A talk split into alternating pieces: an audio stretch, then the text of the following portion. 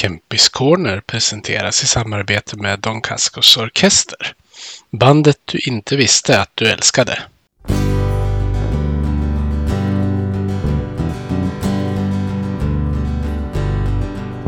Vi hejar på Modo, rödvit och grön. Klubben i hjärtat, en känsla så skön. Övik, ja, Övik, ja, där trivs vi bäst. Med matcher i lyan, ja, då är det fest. För vi älskar Modo.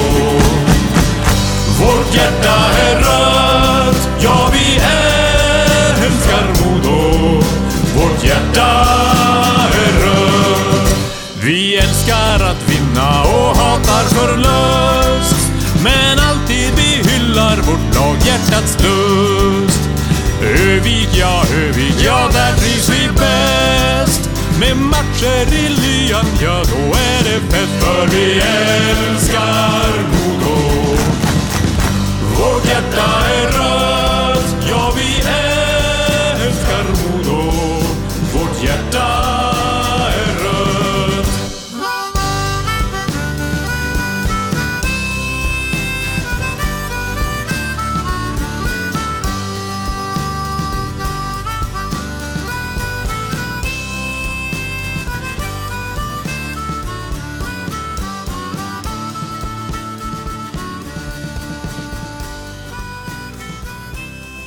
och välkomna ska ni vara till Kempis Corner med mig Peter Kempe och den här veckan så har jag med mig en gäst, en modoprofil som ja, både hockeyspelare, författare och eh, numera sportchef i Brynäs. Erika Gram, välkommen till podden. Tack så jättemycket. Jätteroligt att ha dig med. Ja, tycker jag med. Härligt. Eh, Jag har ju två frågor jag brukar ställa till eh, folk som är med i den här podden. Jag vet inte om du har lyssnat på den någon gång. Den är ju ganska färsk än så länge. Nej, jag lyssnade lite bitvis på när Oliver var med, men jag har inte lyssnat helt avsnitt än. Nej, just det. Eh, Men den första frågan jag brukar ställa det är vilken anknytning har du till Modo? Oj, hur lång tid är den här podden? Eh, jag är ju född modoit, tänkte jag säga. Jag, eh, eftersom att jag är uppvuxen i Kramfors så har jag ju vuxit upp med Modo. Och är man ångermanlänning så har man ju ofta eh, någon form av anknytning. Så jag har varit supporter egentligen ända sedan jag föddes. Och sen har jag haft den stora äran att spela i klubben och även jobba för klubben. Så Modo har en enorm stor plats i mitt hjärta. Mm. Eh, den andra frågan jag brukar ställa det är ju en av anledningarna till att jag döpte den här podden till Kempis Corner, förutom mitt efternamn då, det är just på grund av Kempehallen. Så då tänkte jag höra, vad har du för minnen från Kempehallen? Oj gud, samma där. Var ska jag börja? Jag kommer ihåg jättetydligt när jag var i säsongen eh, 98-99 där. Eh, då var vi uppe jättemycket, hela familjen, till eh, Kempis och kollade väldigt mycket matcher den säsongen, speciellt i slutspelet. Eh, och då kommer jag ihåg när det var fullsatt där och vi hade alltid ståplatsbiljetter och jag och brorsan var ganska små då så då fick vi ta med oss såna här röda läskbackar som vi stod på. Eh, Så då stod man där som man pappa liksom stod som runt oss och så stod vi på varsin läskback så vi skulle se någonting där och, och heja. Och, eh, sen har jag ju fått haft det som hemmaplan och hemmaarena själv så jag har otroligt mycket minnen i Kempis och det, det fina är att den sista matchen jag spelade i Kempis det var vårt SM-guldår när vi slog ut Linköping i semifinalen så det blev som ett fint avslut i Kemphallen. Vad härligt. Det blev som Ja. ett riktigt bokslut på något sätt. Då. Ja, verkligen. Nej, men gud, man saknar Kempehallen. Det var, det var en härlig känsla och eh, så mycket tid som man har tillbringat där hela gymnasiet och ja, jag hann ju ha det som hemmaarena ganska många säsonger innan vi flyttade till Fjällräv. Eh, jag tänkte att vi ska hoppa lite bakåt nu och gå till början av din hockeykarriär. Jag tänkte fråga först, eh, när och var tog du dina första skridskoskär? Ja, Det var hemma i Kramfors det. Eh, Vad kan jag vara? Typ, ja, egentligen när man kanske redan kunde liksom börja gå sådär, tre, fyra, fem års åldern där. Jag har en äldre bror och han spelade ju så att jag följde med mycket där. Pappa var tränare för hans lag så jag följde med på hans träningar och sen är jag uppvuxen med en eh, liten rink med träsarg 50 meter från huset där jag bodde. Så det blev mycket hockey där eh, under vintrarna. Eh, men jag skulle egentligen säga att jag vill spela hockey i hela mitt liv. Ja, uh, när började du spela hockey med ett lag då? Uh, ja, jag började faktiskt spela när jag var väldigt ung. Jag tror jag var fem eller sex år. Jag spelade faktiskt med de som var ett år uh, äldre. Började jag med för att jag började så pass tidigt då. Så jag spelade med killar som var ett år äldre ända tills jag var 15. Så jag tror jag typ började när jag var typ 5-6. Egentligen väldigt tidigt. Ja. Höll du på med några andra idrotter? Ja, fotboll har jag spelat hela, spelade hela vägen ända tills jag skulle börja gymnasiet. Eh, sen har jag eh, tävlingsdansat bugg i åtta år faktiskt. Just det, man får lite annan kontroll på kroppen när man håller på med ja, sånt kan jag tänka. Ja, den kombinationen var ganska rolig faktiskt när man var liten. Jag, min buggpartner var en, eh, en killkompis och en, även eh, lagkamrat i laget. Så ibland så missade vi hockeymatcher för att vi var på buggtävlingar. Så det, var, det var en rolig kombo. Ja, just det. Uh, kanske var svårt att förklara bort att man hade missat någon match. Men det är ju huvudsaken man gör det man tycker är roligt för stunden, tycker jag. Ja, absolut. Nej, men det var roligt och det är kul nu också att man kan bugga och liksom och sådär. Och, uh, men fotboll och hockey är väl det jag har hållit på med längst. Ja. Uh, har du alltid varit forward? Uh, ja, så länge jag kan minnas i alla fall. När jag var liten så någon gång så i början så här, när man spelade allting så var jag väl back några gånger. Men uh, hela min egentligen elitkarriär har jag varit forward. Jag har dock spelat tre landskamper som back. Då vi fick jättemycket skador på backtiden så fick jag kliva ner och spela back. Några landskamper där i runt när var det? 2009, 10 kanske. Ja, just det. Så det är ganska modern tid om man får kalla det för det. Ja, nej men annars var det, alltså jag kan säga så här att jag har varit en extrem vänsterforward i stort sett hela min karriär. Så, och sen fast de här två senaste säsongerna nu har jag spelat mycket center också. Men annars så har jag varit extrem vänsterforward. Jag alltså, har extremt problem att spela på högersidan och jag känner mig väldigt missplacerad för att jag spelar vänsterforward i stort sett hela karriären. Ja, just det. Då förstår jag att man är ganska van vid positionsspelet på den sidan. Ja, verkligen. Jag brukar säga till alla yngre spelare nu att testa runt positionen när ni är ung och fäster inte vid någon till 100 procent för då kommer ni aldrig ur det. Nej. Uh, du är uppväxt i Kramforstrakten som du sa. Eh, fanns det något damlag att spela hockey i där? Nej, jag har spelat med killar hela uppväxten. Eh, det startades ett flicklag när jag var 11. Eh, men det var ju nybörjare så då fick jag vara med och träna det laget. Så att, det var en härlig erfarenhet och om jag kollar på en 11-årigt barn idag så förstår jag inte vad min pappa tänkte då. Att det var liksom en bra idé att jag skulle hjälpa till att vara tränare. Men eh, någonstans tror jag väl också att det har lagt grunden till ledarskap, att jag är intresserad av det och att jag är duktig ledare på det sättet. För att det började så pass tidigt för mig. Ja, det kan jag tänka mig faktiskt. Men vi ska komma till eh, ledarbiten lite senare. Ja. Eh, när flyttade du till Modo då? Eh, jag började spela Modo när jag gick i åttan ettan, var eh, hösten 2005 så började jag spela i damlaget. Sen hade jag varit innan, typ när jag var ja, men 11, 12, 13 år så åkte jag upp och tränade med flicklaget ibland eftersom att eh, jag spelade bara med killar hemma i i Kramfors och så eh, åkte jag upp ibland till Modo och tränade med flicklaget bara för att få vara med tjejer. Men eh, hösten 2005 så började jag spela eh, med damlaget och det var när jag gick i åttan så egentligen åttan och nian i två säsonger där så spelade jag eh, med Modos damlag och så tränade jag i Kramfors med killarna då så då pendlade jag innan jag flyttade upp där när jag började gymnasiet. Ja just det. Eh, hur funkar det när man flyttade upp Flyttade du upp själv då när du gick gymnasiet eller hade du någon som flyttade med dig? Nej, jag flyttade själv så att det var ganska bra timing. Precis när våran årskull då, 91 skulle börja hockeygymnasiet så, så startade de hockey för tjejer då i Övik. Eh, så vi blev första årskullen så det blev väldigt bra timing där. Eh, så jag flyttade upp och sen så var det många tjejer som flyttade dit så jag var ju bra vän med Annie Svedin sedan tidigare. Hon är från Timrå så vi bestämde ganska snabbt att när vi var på tryouten att vi bor, ja vi bor med varandra. Så att jag och Annie flyttade in i en lägenhet tillsammans och så bodde vi där alla tre år. Ja, just det. Ja, men Mm. det, var- det är en bra idé. Ja, det var jättebra faktiskt och jag och Annie vi är ju bästa vänner även idag så det har varit en vän för livet också så det är häftigt. Ja, verkligen.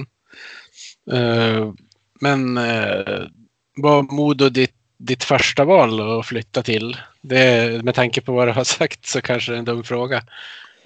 Ja, jag visste nog inte något annat hockeylag om jag ska vara ärlig hela uppväxten så Modo var absolut mitt första val. Och väldigt naturligt och det är närmast hem och sen att jag hade börjat spela där redan i, liksom när jag var var 14 och eh, det var, fanns inget annat alternativ utan eh, Modo var det enda. Sen på min tid, alltså på den tiden så var det inte så att man blev uppringd av massa klubbar och sånt. Det var ju liksom, man spelade där närmsta man bor och sen bedrevs ju också liksom damverksamheterna mer som ungdomsverksamheter på den tiden. Så att det var inte direkt något så här man värvar hit och man värvar dit utan eh, det närmsta stället hem där det finns bra förutsättningar liksom. Ja, det fanns väl kanske inte så många ställen att gå hockeygymnasium för eh, damsidan heller. Nej, jag tror det var typ vi och sen, eh, alltså Modo var typ bland de första. Det var det första riktigt stora i alla fall. Eh, sen några år efter så kom ju typ Leksand och Linköping och AIK, men Modo var lite pionjär tror jag där på att verkligen ta ett riktig satsning kring, kring eh, ja, men ett hockeyn för tjejer då. Ja. Ehm, eh, när insåg du att du kunde påbörja en elitsatsning i, i hockey då? Nej, men jag började komma med i juniorlandslag och sådär när jag eh, var väl någonstans där 13, 14, 14, 15 kanske. Och sen också så, ja men det var ju distriktslagsturneringar och sådana grejer och sen har jag alltid liksom tyckt om att träna och jag var också väldigt duktig i fotboll faktiskt och eh, la ner mycket tid på den också och var med i landskapslag och allting så att någonstans visste jag ganska tidigt att det var idrott jag ville hålla på med. Eh, Sen när jag flyttade till Övik och började hockeygymnasiet och sådär då och det vart mer liksom landslag och sådana grejer då, då började man träna och tänka på ett helt nytt sätt så det var väl egentligen när man började gymnasiet man verkligen förstod att eh, det är hockey jag vill bli bäst på det, det är här jag kommer utmana mig själv. Vad läste du för linje på gymnasiet då? Eh, samhällsprogrammet med inriktning idrott och ledarskap. Ja, just det. Så det blev ganska mycket idrottsinriktat även på gymnasiet. Och jag gick faktiskt fyra år på gymnasiet för jag missade väldigt mycket när man var borta och sådär. Och sen har jag alltid varit högpresterande i det mesta jag gör så att det varit nästan jobbigt ett tag där. Så då fick jag möjligheten att lägga ut det på fyra år vilket är typ det bästa jag gjort. Det var, varit jättebra.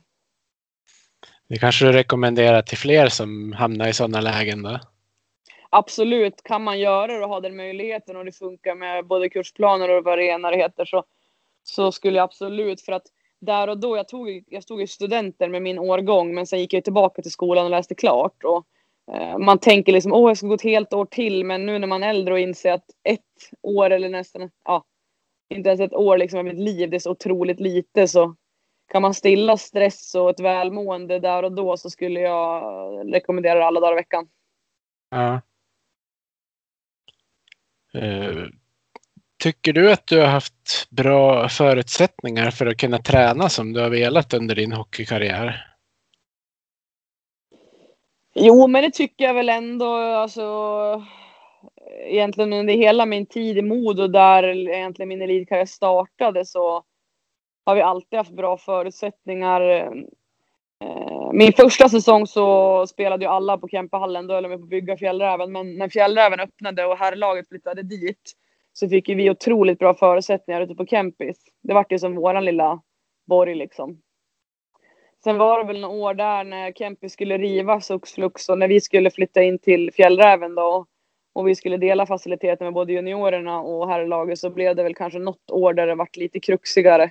Men eh, jag har alltid upplevt att Modo har velat liksom hjälpa och skapa bra förutsättningar men ibland måste man också kanske rätta sig efter vad man har för faciliteter och, och storlek och ja, men allt sånt där. Eh, Men generellt så jättebra och sen har vi haft ett otroligt fint, hade vi ett fint hockeygymnasium och många bra spelare där. Och, eh, nej, men jag kan, inte, jag kan inte minnas att jag liksom kände att det var för lite träning. Det var väl snarare tvärtom. Ja, just det. Men det kanske var rolig träning istället. Ja, absolut. Som sagt, vår 91-kull på hockeygym som var den första där, då vi var jättebra. Det var ju många bra spelare i den kullen. Eh, så att det var ju alltid tävling på, ja, man får väl jämföra det med, med tiden med, med Foppa och Macke och de här. Det var, det var liksom krig på varenda träning där och alla ville vinna. Så det har nog gjort gott för hela våran generation där. Ja. Hur stor eh, klass var ni då? Ni som var pionjärerna? Vi var ändå 14 stycken, alltså 91 då, som gick in. Men det är många som har fortsatt länge ändå och spelat högt upp. Liksom Emma Nordin, Tina Enström, Johanna Olofsson, Annie Svedin. Alltså vi var ju egentligen en hel hög som, som uh, uh, hållit på väldigt länge och som, var, som har varit väldigt duktiga och så. Ja, det var inga dåliga namn du räknade upp där. Nej, men vi var ett helt gäng så att det, vi hade kul. Det var det faktiskt. Ja. Om du får spekulera lite då, vad tror du att du hade blivit om du inte hade blivit ishockeyspelare? Hade det varit någon idrottsledare, eh, vad ska man säga, inriktning? Ja, alltså jag vet inte. Jag har tänkt flera gånger så här, vad, vad, vill, vad vill jag bli när jag blir stor eller vad jag vill jag blivit? Men jag har nog aldrig haft något riktigt drömyrke. Jag har nog alltid haft liksom fokuset på att jag ska bli så bra som möjligt i hockey. Men när jag var yngre så har jag alltid, jag alltid varit intresserad av träning och typ liksom personlig träning och liksom mycket sådana saker. Ja. Men jag vet inte riktigt vad jag hade kunnat tänka mig att bli. Jag har som sagt aldrig haft ett drömyrke. Utan det, jag har ju mest bara tagit det som det kommer liksom. Ja, men det, det har ju slutat bra också. Ja, men jag känner mig fortfarande ung. Liksom. Jag har precis fyllt 30, men jag har ändå gjort samma sak i hela mitt liv så att jag känner mig väldigt ung. Fortfarande på något sätt i sinnet. Ja.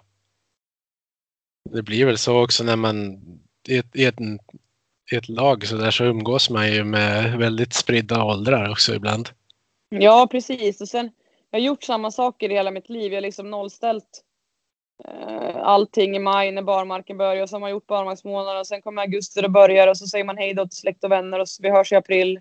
Och så har liksom ekorrhjulet rullat sådär. Ja, Så man har som inte hunnit reflektera så mycket. Och jag har ju alltid brunnit så mycket för hockeyn. Så det har ju bara varit mitt fokus och prio liksom. ja, ja men jag förstår.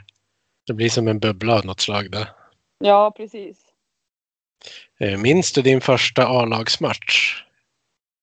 Ja, det gjorde jag. Eller det gör jag. I alla fall seriematch. Eh, vi mötte Trixa borta. Det är ett Umeå-lag. Vi vann med 22-0 och jag gjorde två mål, kommer jag ihåg. Ja, just det. Jag fick ju spela med Therese Sjölander när jag kom till Modo. Bara det var ju skitstort liksom. Det var ju den absolut största spelaren och bästa spelaren vi hade i laget och OS-spelare och allting. Och hon har ju varit en enormt stor förebild för, för mig och egentligen hela vår generation som kom där. Så att jag kommer ihåg att få spela mycket med henne och det var ju, det var ju döhäftigt. Ja ja det, är ju, det är bra att det fanns eh, kvinnliga förebilder då också, men det kanske är lite lättare att, att hitta dem nu när det går lite mer matcher på tv och sådär. Absolut. Alltså det var inte så många som elitsatsade på när vi var ung liksom, utan det var ju de här landslagsspelarna och några enstaka. Jag menar, i dagens eh, lag så är det ju elitspelare egentligen hela ligan. Så att den yngre generationen idag är betydligt mycket fler förebilder att se upp till och en helt annan mentalitet eh, än vad vi kanske hade att se upp till. Men Tessan då, hon, eh, hon visade vägen jättebra för oss yngre när vi, när vi kom upp. Ja. Eh, Men under din tid i Modo så drabbades du av, eh, nu har jag ingen aning om hur man uttalar det, är det Guillain-Barré? Är det Ja. närheten? Ja, det låter bra. Ja, eh, kan du berätta lite om hur det var? Jag vet ju att du har gjort en bok om det där och jag ska ärligt talat säga att jag har inte läst den. Men jag har tänkt att jag ska fixa någon sommarläsning så då ska jag läsa den där boken har jag tänkt. Ja. Nej, men det var ju sommaren 2011 när jag fick eh, väldigt problem att gå och röra mig och sådär och jag blev väldigt, väldigt sjuk så eh, jag sjuknade väl inom två veckor egentligen att jag kunde röra mina ben och Eh, sen var det sommar och semester och tog lång tid på vården och allting så jag, det tog väl åtta, nio veckor innan de kunde upptäcka vad det var då. Och det var ju Guillain-Barrés nervsyndrom och eh, det är ju att nervrötterna eh, blir inflammerade. Typ som att man får ah, ögoninflammation men det sätter sig på nervrötterna istället. Och det var nervrötterna till baksida lår och rumpa för min del då, så att jag tappade ju funktionen liksom i baksida lår och rumpa och egentligen känseln också. Eh, så jag lades in på sjukhus och fick eh, antibiotika intravenöst i, i fem dagar och då för mitt immunförsvar var så nedbrutet så det kickade som igång immunförsvaret igen och eh, eh, då började det att jag började återhämta mig då. Men som sagt, då hade jag legat sängliggande i åtta, nästan nio veckor och knappt rört mig så att det var ingen elitidrottare i den kroppen när jag skulle börja ta mig tillbaka. Så det var en lång resa tillbaka till rinken men en otroligt häftig resa också som jag är idag tacksam över att jag fick göra. Ja, jag kan tänka mig efter så lång tid att man inte har så mycket muskelfibrer och grejer som funkar som, som innan. Nej, egentligen ingenting. Jag, mina första, min första rehabilitering var egentligen att jag fick jag kommer ihåg det var på vårdcentralen i Kramfors så fick jag gå på det så P, samtidigt som PRO hade typ sin uh, gymnastik så fick jag också vara med och lära mig typ att sätta ner fötterna liksom och lära mig att gå igen typ. Ja. Uh, så de liksom var ju helt bara, men gud vad gör en sån här ung tjej här? Ja, det tänker jag med. Ja. uh, så att, nej, det var en jättelång resa tillbaka. Men ja, otroligt lärorik som sagt. Ja, det kanske gjorde att man får en annan ödmjukhet för livet. Ja, framförallt så fick jag väl, väl lärt mig liksom det här med att jävlar anamma liksom och inte ge upp och att man får lite pannben liksom. Eh, jag menar, den där sommaren kunde jag inte kliva ur sängen själv och knappt gå på toaletten själv så att man får ju perspektiv på saker. Ja. Eh, var du tvungen att använda typ rullator och sånt här när du började gå eller hade du kvar så du kunde ta det för egen maskin? Nej, men jag kunde väl gå väldigt, väldigt sakta framåt så att det, det funkade. Men när jag var som sjukast så då hade jag väldigt problem att gå eller lyfta fötterna. Det var ju liksom, jag hade ju tänkt att baksida lår, liksom att man lyfter eh, benet så det funkade ju inte. Nej. Så det hasade mig framåt så det kunde ju som inte nästan kliva över en tröskel utan då drog jag mig över på något sätt. Ja. så att, eh, ja, det känns ja. overkligt idag typ. Det gör det faktiskt men jag har nog tagit med mig mycket från den tiden. Ja, jag tänker på, på vilken, vilken twist att du fick avsluta. Visst var det den säsongen du fick avsluta med att vinna SM-guld med Modo också? Ja, det var helt sjukt. Det var alltså en sån galen säsong. Det är ju en saga liksom när man tänker efter. Uh, ja, alltså jag är ju evigt tacksam över, uh, över det laget och den ledningen och allting som var den säsongen för att uh, komma tillbaka efter sommaren och ha legat nio veckor i en säng och kan inte ens åka skridskor. Uh, och sen fick jag ändå, det var, fick, jag fick fortsätta vara lagkapten och liksom, jag fick ändå fortsätta vara Erika i laget så det var liksom normalt för jag var ju samma person men funkar inte alls likadant på isen. Men de hade som tålamod och förstod och det var inga problem. Även fast jag gick från att vara typ snabbast på isen till att vara absolut sämst på isen. Så var det som att jag var med på träningarna och gjorde mitt och alla förstod det och alla hade tålamod med att jag skulle kunna ta mig tillbaka. Så det var en sjukt häftig säsong på det sättet. Ja. Du skriver snart kontrakt med en film för HBO eller Netflix kanske? Ja. Ja, tänkte vad kul det skulle vara. Ja. Ja, nej, det var häftigt. Ja, eh, när, när kände du att du var liksom dig själv igen? När du, jag tänker, när du kom in på isen och det här, det, det tog väl ett tag kan jag tänka mig att sätta allting? Ja, alltså det tog ju säkert ja, 6-8 månader i alla fall. Alltså jag kan nog tänka mig kanske början i, kanske i slutet av säsongen där så. Så var det väl någon gång då. Men eh, jag kunde inte åka skridskor alls till en början. Det var skitkonstigt. Jag kommer verkligen ihåg att det var så här, men gud, åka skridskor det, det är som att cykla men det fanns som ingen liksom, funktion i benen. Det var så jättemärkligt bara. Ja. Men det, det är liksom som allting annat, så här färskvaran. Så ju mer jag var på is ju bättre gick det. Ja, visst. Ja, och mm, hur, hur var känslan i, i kroppen? Kroppen eh, direkt efter att eh, ni hade lyckats ta SM-guldet. Jag kan tänka mig att eh, det är både eufori och lättnad på något sätt.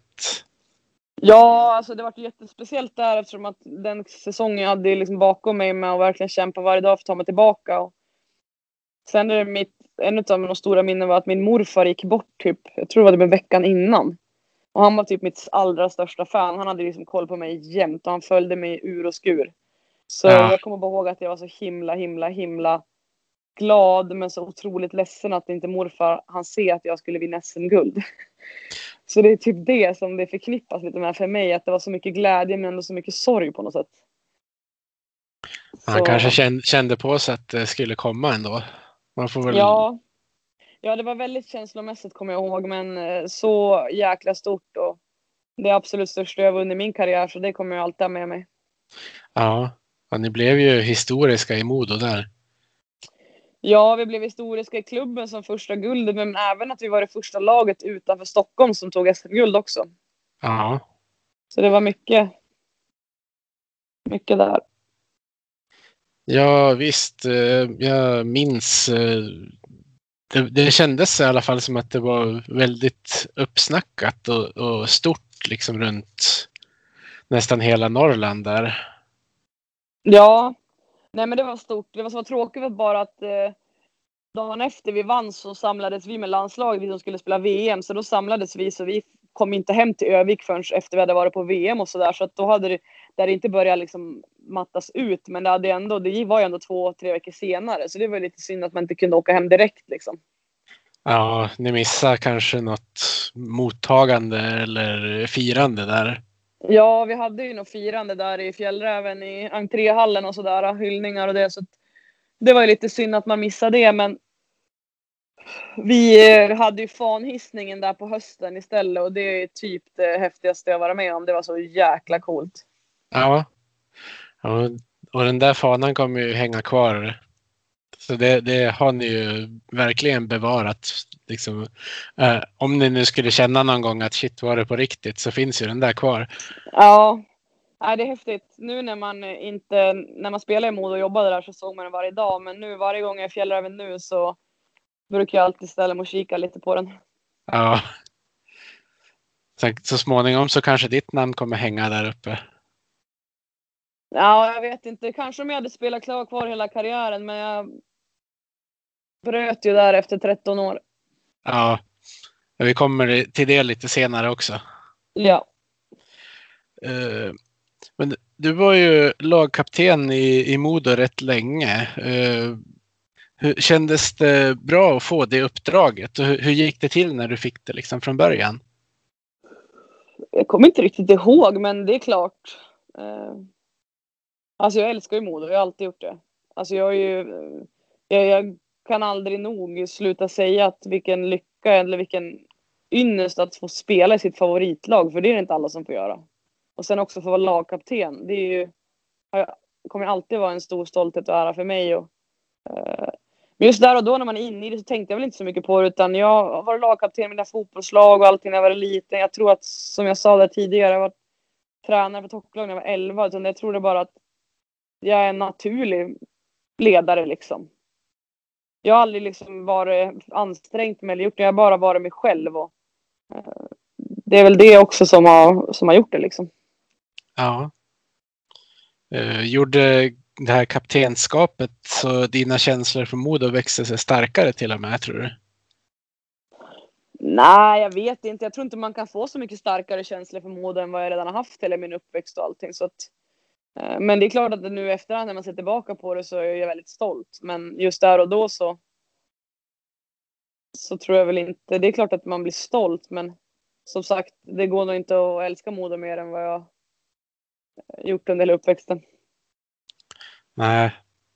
Ja, du fick ju vara med och, och lämna en hyllning till 100-årsjubileumet också. Ja, visst var den bra? Ja, Jag byggde upp min lilla Kempehallen här hemma. Så att, eh, jag tog ju nummer 17 stolen där från Kempehallen när de rev den eftersom att jag hade nummer 17 så att kommer Ja. jag alltid ha kvar. ja det är fantastiskt. Mm. Eh, en, en sista fråga om din tid i Modo. Vilka är dina favoritminnen? Har du något som du kan rangordna som, som högre?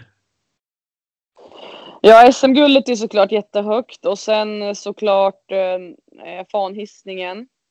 Sen kommer jag ihåg eh, såklart vår SM-final på hemmaplan när vi slog publikrekord i svensk damhockey där med 3 500. Nu förlorade vi visserligen den finalen på ett jätte, jättesnöpligt sätt.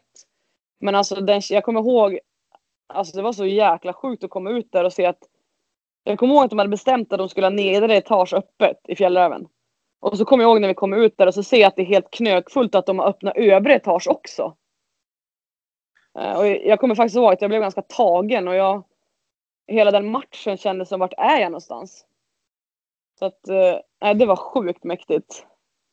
Sen är det såklart tråkigt att vi inte fick vinna ett SM-guld där, men hela den känslan. Det, det kändes som att det var lite banbrytande. Vi slog publikrekordet med nästan 100 procent mot vad det var innan. Och det känns som att vi hade några år där i Modo, egentligen kanske 2012, 13, 14, 15 där vi vart lite pionjärer liksom och tog nästa steg i svensk damhockey. Och de åren var sjukt häftiga faktiskt. Ja. ja jag Så vet. det är klart att de alltid, kommer alltid med mig. Ja, Olivia Karlsson nämnde också den där matchen som ett speciellt minne så jag förstår ja. ju att, att det var stort. Ja. Nej men sen är det väl det är bra enstaka mål och sådär. Min sista säsong tycker jag, då hade vi väldigt roligt faktiskt. Då hade vi också absolut potential att kunna gått hela vägen. Hade sjukt bra lag då. Ja. Eh, så det var, det var faktiskt en jätterolig säsong. Det var ju det året när vi hade Sidney Morin och Mikaela Kava och eh, Janelle Kohanchuk när vi tog de utländska spelarna. Ja visst, det var små marginaler då. Ja, det var det. Men det var faktiskt ett roligt hockeyår, det måste jag säga. Jag tänkte att vi ska kliva in lite på din landslagskarriär nu istället och lämna mm. Modo ett tag. Mm. Eh, du fick din första landslagskallelse vid ganska ung ålder. Va? Eh, kommer du ihåg hur det gick till? Ja, först fick jag spela juniorlandslaget typ ett och ett halvt år där. Eh, sen kommer jag ihåg på, jag gjorde min A-landskampsdebut, då var jag faktiskt reserv. Och så blev jag inkallad. Jag kommer ihåg att jag var på skolan, på Nolaskolan gick jag då. Kommer jag ihåg att jag hade lektion och så ringde telefonen och så ringde förbundskaptenen och sa att de hade en sjukdom och frågade om jag kunde åka. Eh, och det kunde jag. Ja. Så då eh, åkte vi till Finland och så gjorde jag min landslagsdebut där 2008. Eh, var det Finland ni mötte också eller? Nej, vi mötte Tyskland. Det var en fyra men den första matchen på den turneringen var Tyskland. Och vi vann, men jag kommer inte ihåg mig mycket, men jag kommer ihåg att vi vann. Uh, ni har ju haft några olika förbundskaptener och haft lite varierande resultat i turneringar. Jag tänkte höra vilka mästerskap och enskilda matcher minns du mest? Uh, ja, men eh, mitt första AVM i Zürich 2011 var ju speciellt såklart. Eh, då kan vi också lägga till att jag eh, var ju den som åkte ur sist av alla inför OS i Vancouver 2010. Jag var ju den sista som fick stanna hemma. Så det var ju såklart skittungt. Det kommer jag verkligen ihåg att jag var helt knäckt. För jag fick vara med egentligen hela förberedelsesäsongen och jag var med på före-OS som spelades i Vancouver och allting. Men när den slutgiltiga truppen skulle tas ut så var jag den sista som fick stanna hemma. Det var bittert. Ja, där kommer jag också ihåg samtalet som förbundskaptenen ringde och berättade. Jag stod precis och låste upp lägenhetsdörren kommer jag ihåg till min lägenhet där. Eh, så det var jättetungt. Men det är också så en sak i efterhand som har gett mig liksom revansch och sådär att, att man får lite motgångar. Det gör ju bara en starkare på sikt liksom. Och det ja. är verkligen jag har tagit med mig. Nej men så att det vart ju speciellt att få äntligen få spela ett stort mästerskap då. För jag var egentligen med i landslaget i tre år innan jag fick göra ett stort mästerskap. Eh, så det var stort. Sen, eh, ja men såklart OS i Sochi var mitt första OS där då och det var också stort. Och, eh, slog ut Finland i kvartsfinal och, och, så det var ju jättehäftigt. Men sen slutade det också lite bittert då när vi leder med 2-0 mot Schweiz där inför sista perioden i bronsmatchen och så tappade vi det och tappade bronsmedaljen på 20 minuter så att, eh, ja. det var lite tufft faktiskt. Ja, det förstår jag. Det, det, är alltid trist. Och så, när man kommer fyra har man ju förlorat de två sista matcherna dessutom. Ja, exakt. Så det var, det var bittert, men sen hade vi hemma-VM i Malmö 2015 eh, som nog kanske var min bästa VM-turnering någonsin. Så det var en häftig upplevelse och det var häftigt att man hade familj och vänner på plats också. Eh, egentligen väl alla stora mästerskap, både VM och OS-turneringar har varit häftiga. OS i Pyeongchang var också häftigt på sitt sätt. Så även om resultaten dalar. Men sen är det klart att det var inte lika roligt VM här senast när vi åkte ut. Men alltså stora mästerskap är ju en stor upplevelse och det är någonstans det man spelar för också. För att vi tjänar inga stora pengar på vår idrott utan det är ju liksom upplevelser som, som är liksom det häftiga. Och jag är tacksam för alla upplevelser jag haft via landslaget. Ja. ja det kommer väl dröja tills ni har chansen att ta er upp ur, ur B-gruppen i VM nu också när det varit inställt på grund av corona och sen eh, om det ska bli OS så är det väl inte något VM det året heller va? Visst är det så? Nej, det brukar inte vara så. Eh, så att eh, nu har jag ju valt att kliva av landslaget så jag kommer inte göra några mer landskamper så jag är ju klar där nu så jag sagt att 24 får gå vidare där så att eh, nu får man heja från sidan och hjälpa till att skapa förutsättningar för dem att, spela sig tillbaka. Och framförallt nu när det är OS-kval nästa säsong, att de kvalar sig till OS.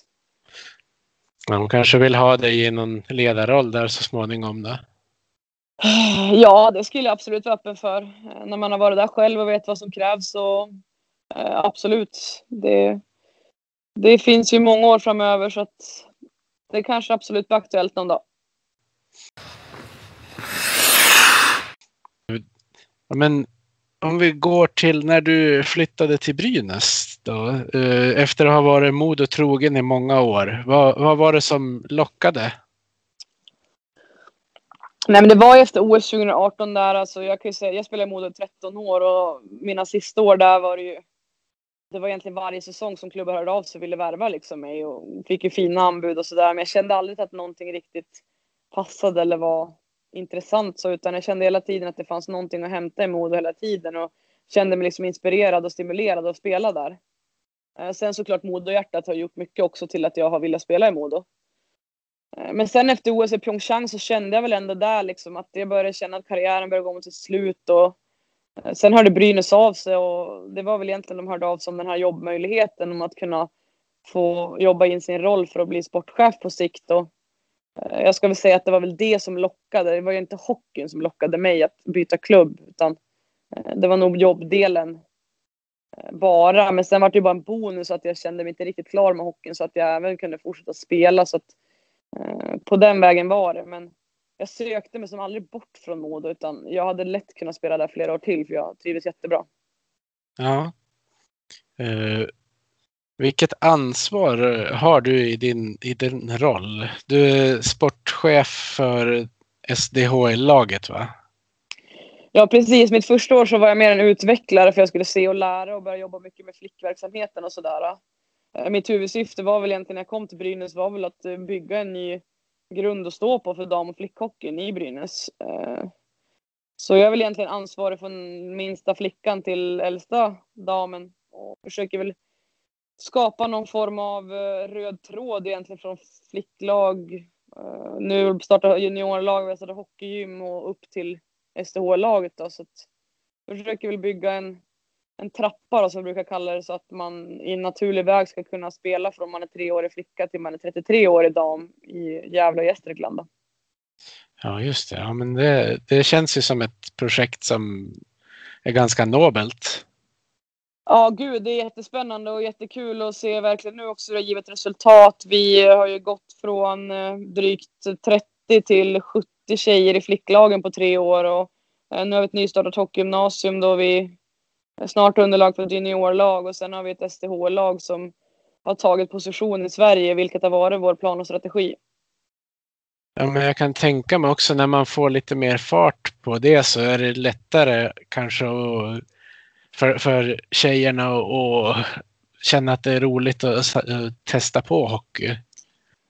Man får ja, lite, mer, lite mer profiler på nära håll och sådär. Ja, men gud, det är väl det som har varit strategin, att vi vill ju bli ett ganska snabbt ett bra lag på elitsidan, alltså STHL, för att eh, någonstans så behövs det förebilder som du säger och profiler och vi ser det. I år har det varit lite knackigt med publik när man inte fått haft publik, men tidigare har ju flickspelarna varit på våra matcher hela tiden och vi har varit med på deras träningar och eh, vi har ju sett att det är ett jätteeffekt för vi har ju ett ökande antal nya tjejer hela tiden så att det har ju verkligen gett resultat.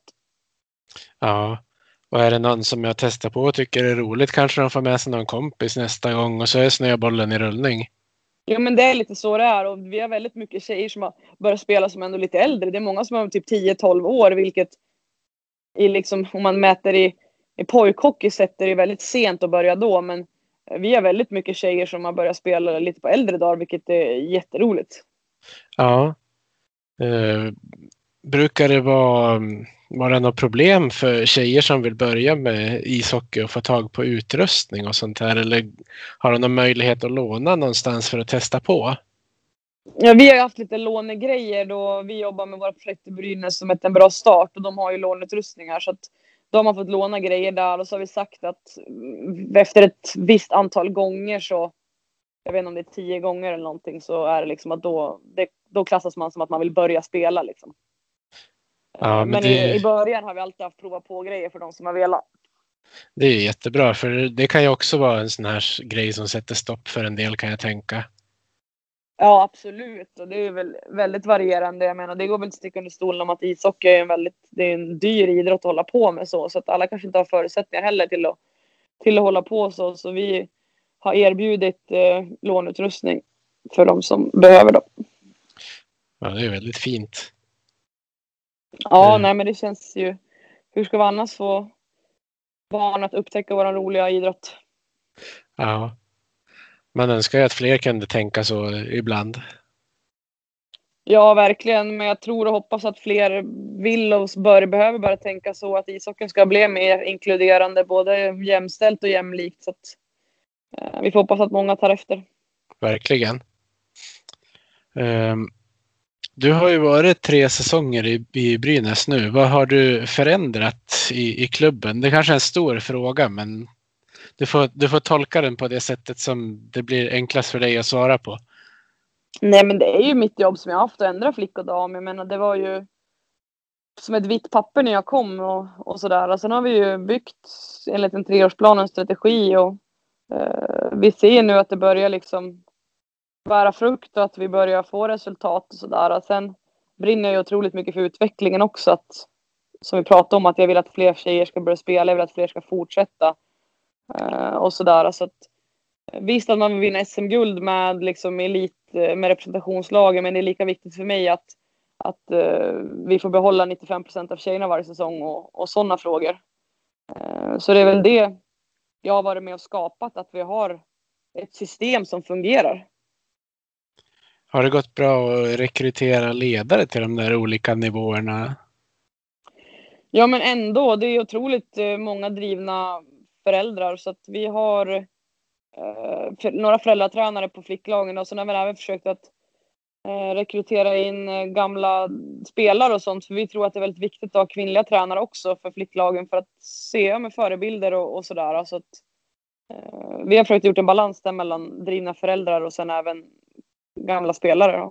Jag har faktiskt, eh, min lilla syster har flyttat till Gävle och hon spelade hockey när hon var liten. På, tills hon slutade kanske när hon var 12-13 eller något. Eh, så hon har ju spelat när hon var ung men hon har ju växt upp i Nishall och hon har ju sett mig hela livet. Så hon har faktiskt blivit tränare för ett flicklag här. Ja just det, det var ju kul. Ja det är faktiskt lite roligt.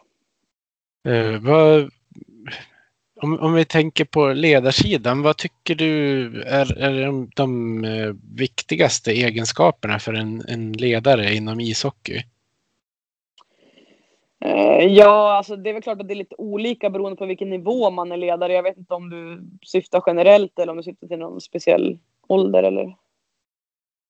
Ja, jag tänkte inte på någon speciell utan jag tänkte nog ganska generellt. För jag, jag förstår ju att det, ju, det går ju inte att tänka på samma sätt om Nej. man ska spela SM-final som om man ska coacha sjuåringar till exempel.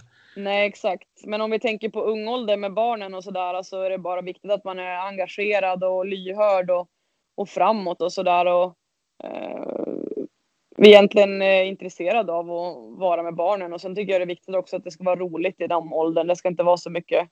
Eh, det är klart det ska vara allvar, men det ska inte vara för stort allvar utan det viktigaste tycker jag tills man börjar komma upp i tonåren är att man ska. Man skulle det ska vara roligt att komma till träningen och då krävs det engagerade och, och glada ledare Eh, men sen på eliten så tycker jag det är viktigt med, och även där, väldigt engagerade ledare men också eh, kunniga ledare. Eh, och ja, för mig har det alltid någonstans varit liksom ha ett bra driv, engagerade och eh, också lite det här eh, jag vet inte förklara, men lite av och på. Jag tycker det är viktigt att man kan trycka på och verkligen slå på och vara fokuserad och seriös när det väl gäller. Men jag tycker också det är viktigt att man ser människan. Eh, i det här fallet att tränarna kan se spelarna men också människan, att det finns någon form av balans däremellan. För jag tror att mår inte människan bra eller trivs bra så är man inte heller en bra spelare.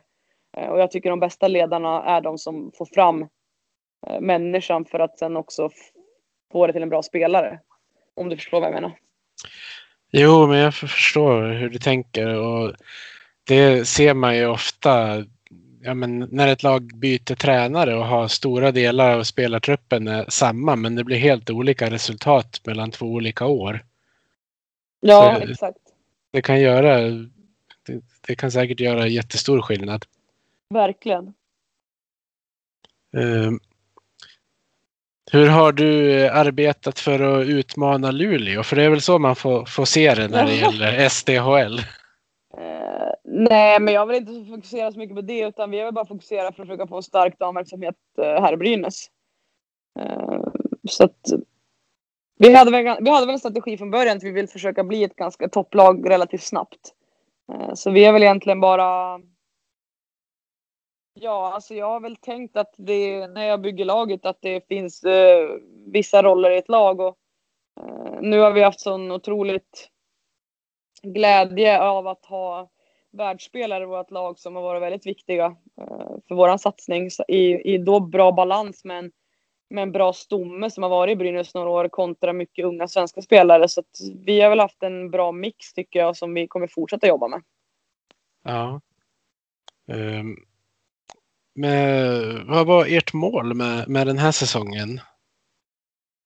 Eh, jo, i den här säsongen har vi egentligen haft att ta ett steg till. Förra året kom vi tre och tog oss till semi, så vi ville ju bli ett topp två-lag och gå till final. Och det blev ju precis enligt målsättningen. Men sen är det såklart att när vi väl var i finalen där är det väl ingen som, som inte går för att vinna guldet. Så att det är klart att det är tråkigt att vi föll på målsnöret i år. Ja.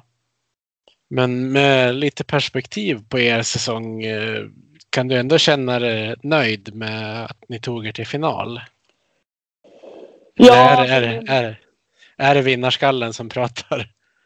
Alltså i min roll som sportchef så kan jag väl ha perspektiv på det och känna att vi har gjort en bra säsong och att vi, vi går i rätt riktning liksom. Men det är min roll som spelare såklart att det är sjukt bittert och jag, det, det går aldrig liksom, det är aldrig lätt att komma över en förlust. Så att, eh, det är klart att det känns tråkigt. Sen också hur vår säsong avslutades med att vi fick ett enormt covid-utbrott precis innan finalen, vilket känns helt orimligt att vi fick, men tyvärr blev det så. Ja, ja det har väl varit väldigt hög spridning i, i Gävle där ett tag. Ja, verkligen. Och vi har ju skyddat oss och gått hela bra hela säsongen och knappt haft nåfall alls och varit väldigt noggranna. Men sen eh, tre dagar innan finalen började så small det. Av någon konstig anledning. Ja. Men herrlaget har ju inte haft någon tur med det där. Nej, de har också haft några vändor, men de har mer haft lite utspritt. Alltså de har haft några små klickar som har haft hela tiden. Eh, ja. Medan vi fick typ, vilket kanske var bra, vi fick ju över halva laget på en gång, men det var precis innan finalen så det var väl många som var sargade istället. Ja, det påverkar ju prestationen såklart. Ja, jag tror nog också att det gör det. Du är ju lagkapten i, i Brynäs också. Var, var sportchef Erika Gram med och utsåg lagets nya kapten? Nej, jag blev faktiskt kapten när jag kom dit redan mitt första år.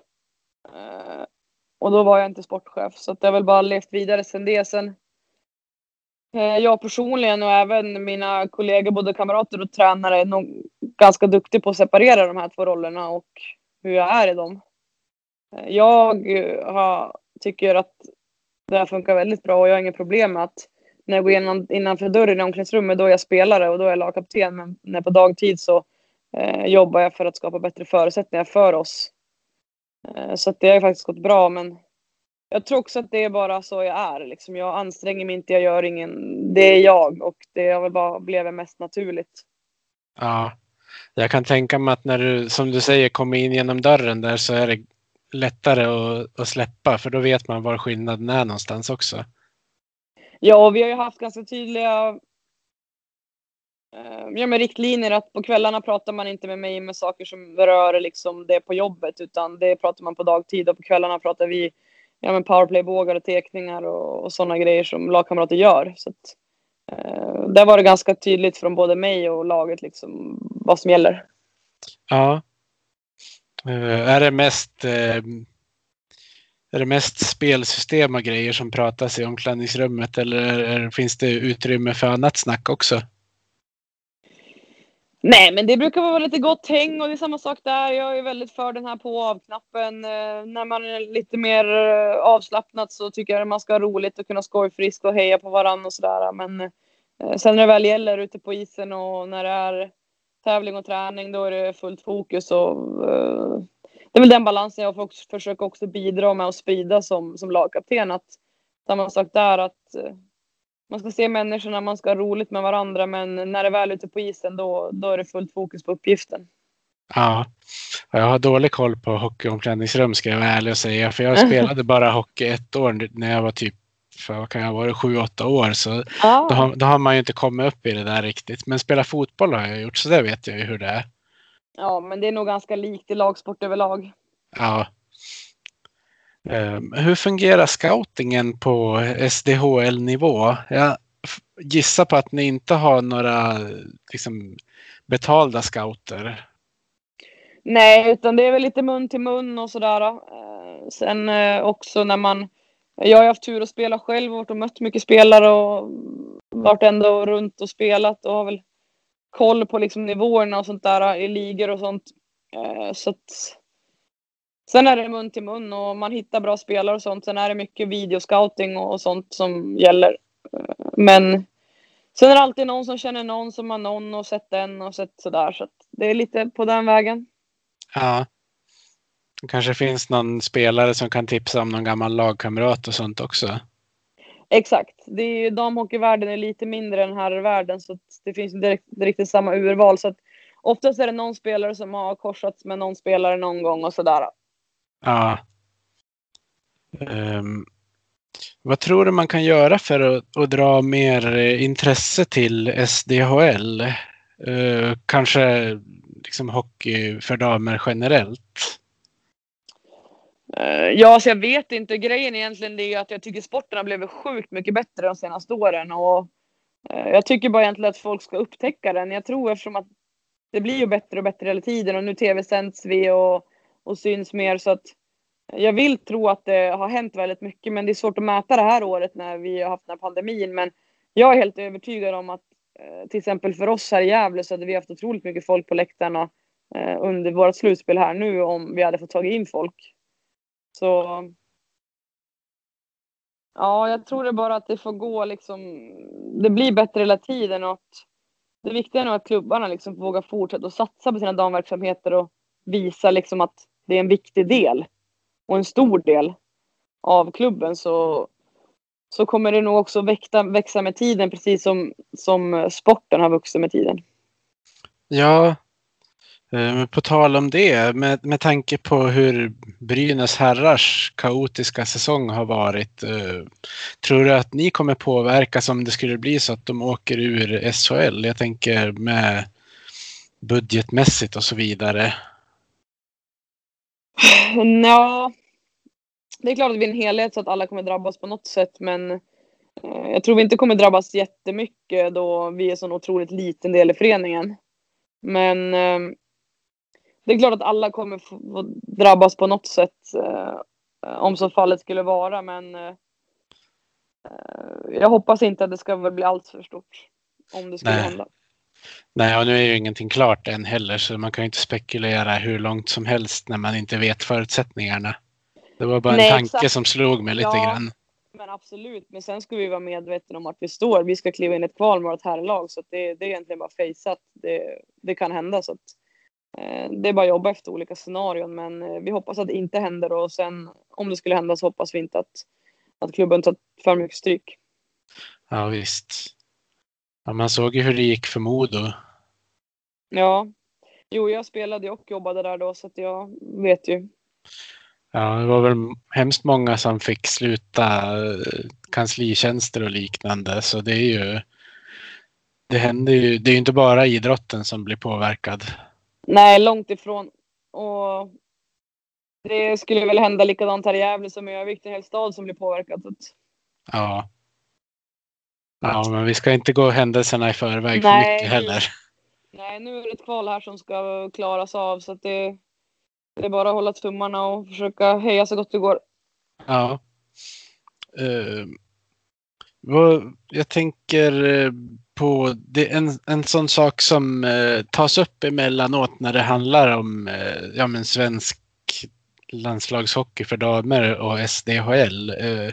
Tror du att det är för många utländska spetsspelare i ligan och i så fall hur, hur kan man förändra det? Ni har väl gjort ett, ett steg på vägen för ett långsiktigt mål där i alla fall? Jag tror, tycker inte att det är för mycket spetsspelare i ligan. Jag tycker snarare, snarare för mycket bredd utländska spelare i ligan. Eh, att det är mycket spelare som, breddspelare som kanske tar en plats för en ung svensk. Men Sen ska vi också prata om att vi har inte riktigt underlaget för antalet svenska spelare heller. Eh, så att eh, det är en svår balansgång men jag tycker att alla klubbar medvetet borde försöka satsa mot att satsa på unga svenska spelare för att då på sikt kunna fostra fler unga svenska spelare. Eh, men sen tycker jag det är skitkul att ha de här spetsspelarna i ligan och de allra bästa för de höjer ju klassen på ligan så att eh, det tycker jag är otroligt utvecklande men eh, alla bör nog tänka till en extra gång och försöka göra sitt bästa för att vi samtidigt ska kunna fostra många svenska spelare. Ja. ja där är ju, när det inte finns lika många hockeygymnasium och grejer kanske det är svårt att fånga upp kan jag tänka mig också. Ja, men det är en svår balansgång det där också. Så att, eh, men jag tror vi bara, ibland måste man också tänka liksom ett steg längre. att eh, det kommer ta några år att bygga upp och jag hoppas att alla har tålamod och, och vill skapa förutsättningar för att det ska nej, bli bättre. Ja. Jag tänker eh, innan vi hoppar in på några supporterfrågor så undrar jag hur, hur känner du att du har utvecklats som person sedan din flytt? Nej men det har varit jättenyttigt för mig att flytta.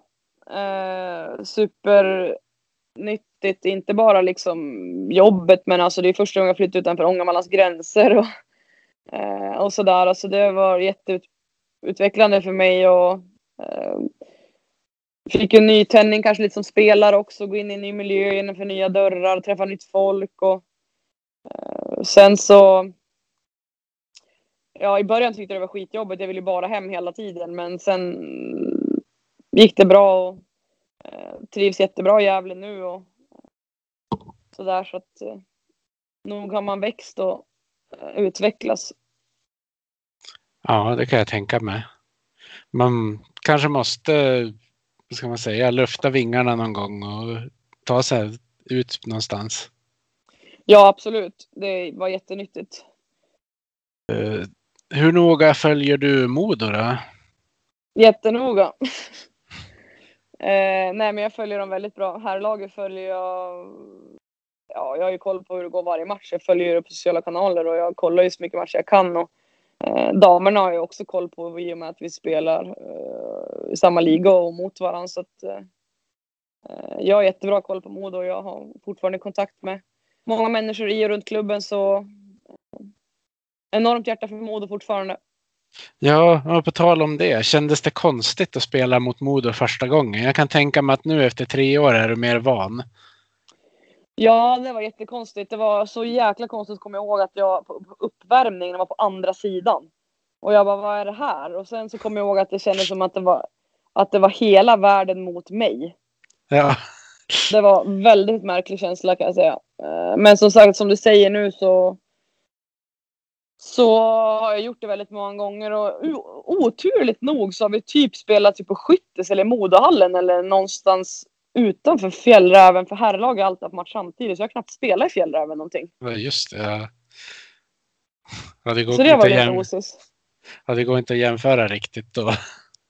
Nej, men jag kommer ihåg första gången jag spelade Fjällräven så bara, vad är det här? Ja. Ehm, men ehm, skulle du kunna tänka dig att återvända till Modotröjan någon dag? Ehm, det det beror väl såklart på hur länge du tänker spela också. Jag tror inte jag kommer spela i Modotröjan igen.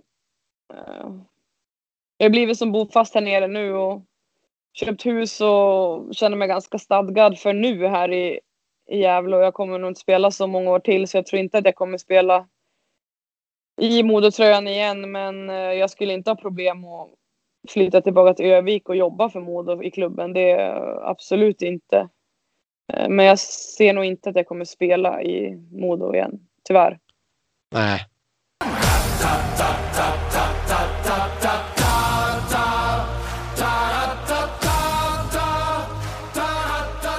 Supporterfrågan.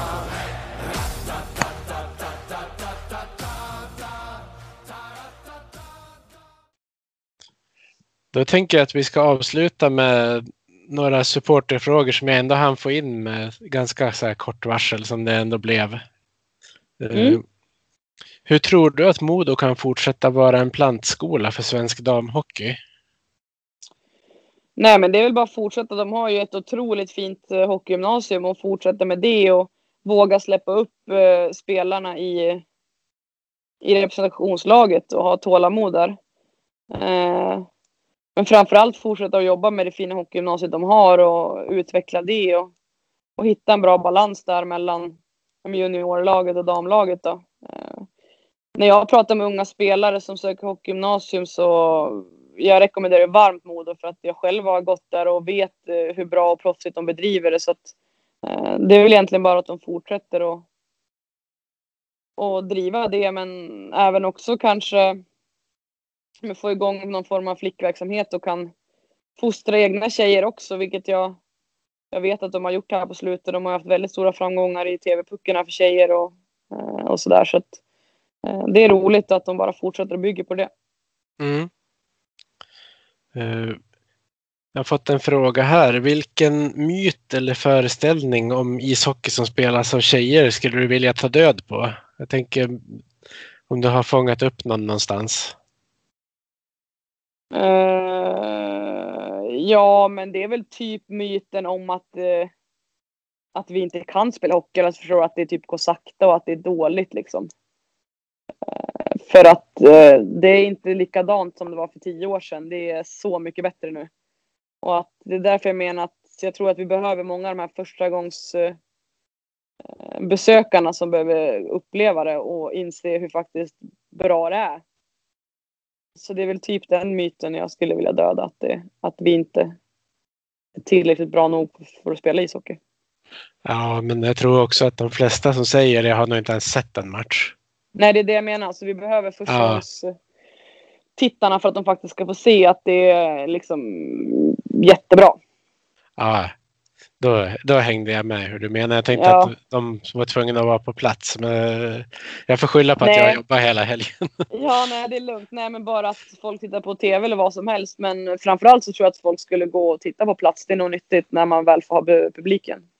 Ja, ja, men man upplever ju faktiskt idrott på ett helt annat sätt live jämfört med på tv. Verkligen. Ja, vi får ju hoppas att nästa säsong får ha publik. Det är väl Ja. sv- svårt att spå om det som det är just nu, men hålla tummarna kan man ju alltid göra. Ja, verkligen. Då har vi en, en sista fråga här. Skulle du vara öppen för att bli sportchef för Modos STHL-lag?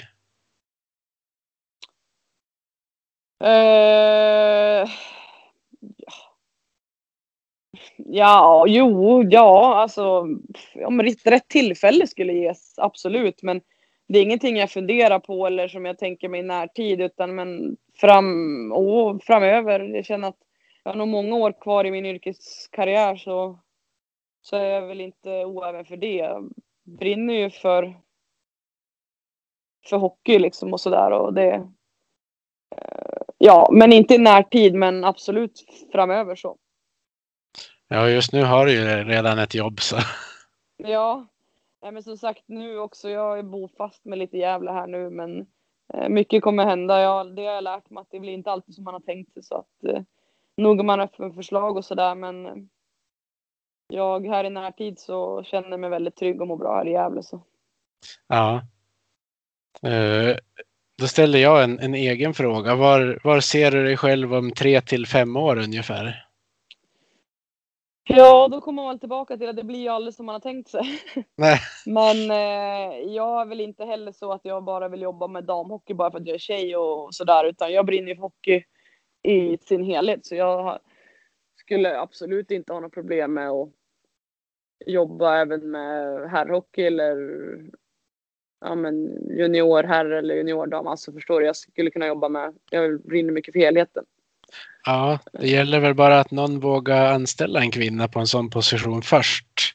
För jag kan tänka mig att det kommer bli en del snack tills folk är van att se det.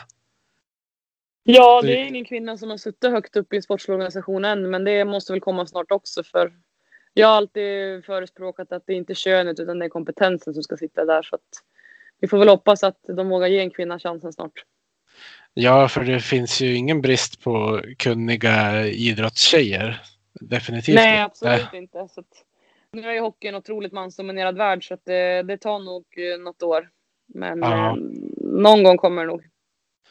Ja, för kommer det in i någon annan idrott också så kanske det är lättare att ta det steget för ishockeyn också.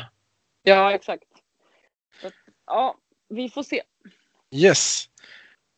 Det var alla frågor jag hade till dig Erika, så då får jag säga ett stort tack för att du ställde upp. Det var jätteroligt att ha dig med som gäst. Tusen tack, det tycker jag med. Så får jag önska lycka till nästa säsong, men inte allt för stor lycka mot just Modo. Då. Nej, ingen fara, men tack så mycket. Tack ska du ha och tack till er som har lyssnat. Vi hejar på